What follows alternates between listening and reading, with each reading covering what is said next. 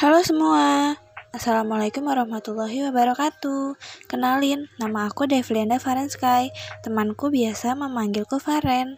Saat ini, aku adalah siswi kelas 11 Khususnya 11 IPS 1 Di SMA Negeri 13, Bekasi. Kali ini, aku berkesempatan untuk membuat podcast Guna memenuhi tugas dari guru PKN ku, Bapak Ilham SPD Buat Pak Ilham dan teman-teman yang lagi dengerin, stay safe ya.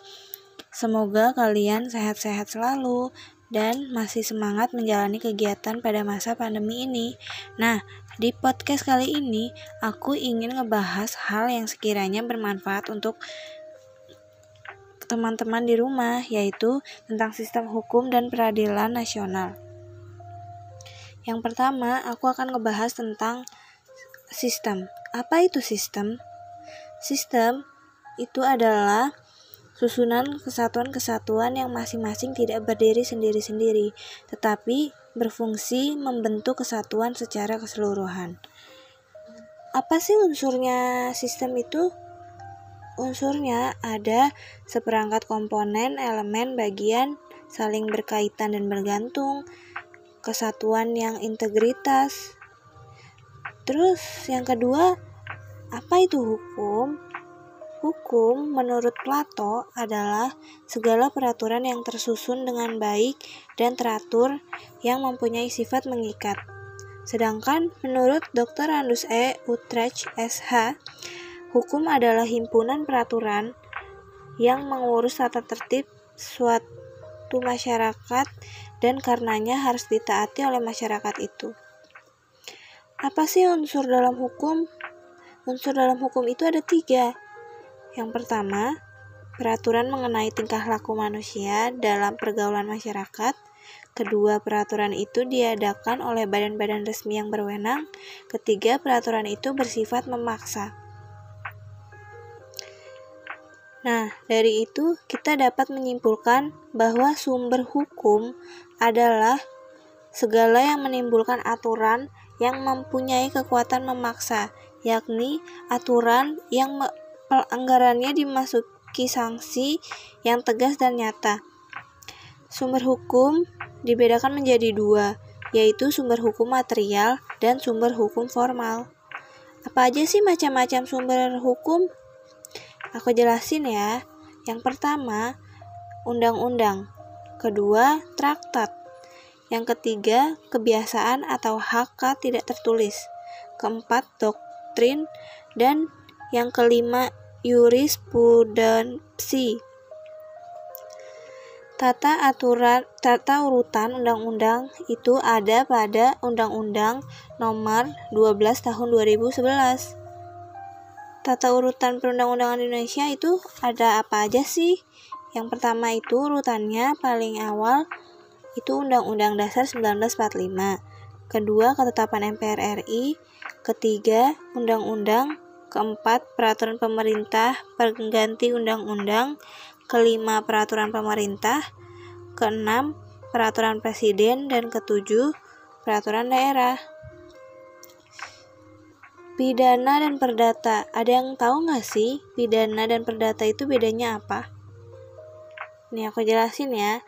Hukum pidana itu adalah pelanggaran hukum pada umumnya segera disikapi oleh pengadilan setelah menerima berkas polisi yang mengadakan penyelidikan. Tindakan pidana itu disebut juga delik. Yang disengaja itu delik dolus dan yang tidak disengaja itu delik culpa. Sedangkan hukum perdata Hukum perdata itu pelanggaran hukum perdana baru dapat disikapi oleh pengadilan setelah ada pengaduan dari pihak yang merasa dirugikan. Di sini ada pihak yang mengadu dan ada pihak yang diadukan. Terus sanksi hukum macam-macam pidana. Yang pertama itu ada hukuman pokok terdiri dari hukuman mati dan hukuman penjara. Hukuman penjara itu ada dua, yaitu hukuman seumur hidup dan hukuman sementara waktu. Terus yang kedua itu ada hukuman tambahan. Hukuman tambahan itu apa aja sih? kayak pencabutan hak-hak tertentu, perampasan atau penyitaan barang, pengumuman, dan keputusan hakim. Hukum kurungan setinggi-tingginya itu satu tahun dan sekurangnya itu satu hari. Lalu kita akan lanjut ke peradilan nasional.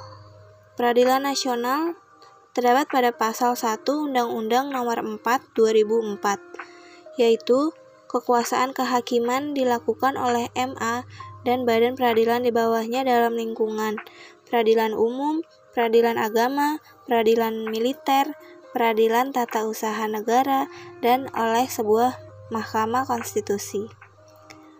Apa aja sih perannya lembaga-lembaga peradilan pengadilan negeri pada tingkat pertama? Yaitu fungsi pengadilan negeri adalah memeriksa tentang sah atau tidaknya suatu penangkapan yang diajukan oleh tersangka. Tugasnya apa aja sih? Tugas dan wewenang pengadilannya yaitu memeriksa ke, memeriksa, memutuskan dan menyelesaikan perkara pidana dan perdata di tingkat pertama. Tindak pidana pemeriksaan harus didahulukan dengan korupsi, terorisme, narkotika, pencucian uang, atau yang ditentukan oleh undang-undang dan perkara yang terdakwanya berada di dalam rumah tahanan negara. Pengadilan Tinggi Tingkat Kedua Tingkat kedua itu berkedudukan di ibu kota provinsi dan daerah. Hukumnya meliputi wilayah provinsi tersebut. Pengadilan tingginya adalah menjadi pemimpin bagi pengadilan-pengadilan negeri di dalam daerah hukum, melakukan pengawasan terhadap jalannya peradilan dalam daerah hukumnya, dan menjaga supaya peradilan itu diselesaikan dengan sesama dan sewajarnya, mengawasi dan meneliti perbuatan para hakim, dan sebagainya. Lalu wewenang pengadilan tinggi adalah mengadili perkara yang diputuskan oleh pengadilan negeri dalam daerah hukumnya yang diminta banding dan berwenang untuk memerintah pengiriman berkas-berkas perkara dan surat-surat untuk diteliti dan memberi penilaian tentang kecakapan dan kerajinan para hakim. Lalu ada Mahkamah Agung atau tingkat kasasi. Daerah hukum Mahkamah Agung ini seluruh Indonesia dan kewajiban utamanya itu melakukan pengawasan tertinggi atas tindakan-tindakan segala pengadilan lainnya di seluruh Indonesia dan menjaga atau menjamin agar hukum dilaksanakan dengan sepatutnya. Tugasnya Mahkamah Agung ini apa sih?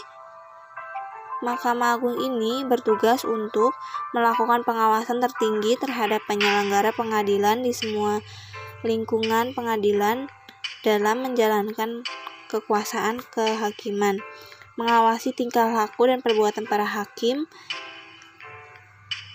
Terus apa aja sih wewenangnya?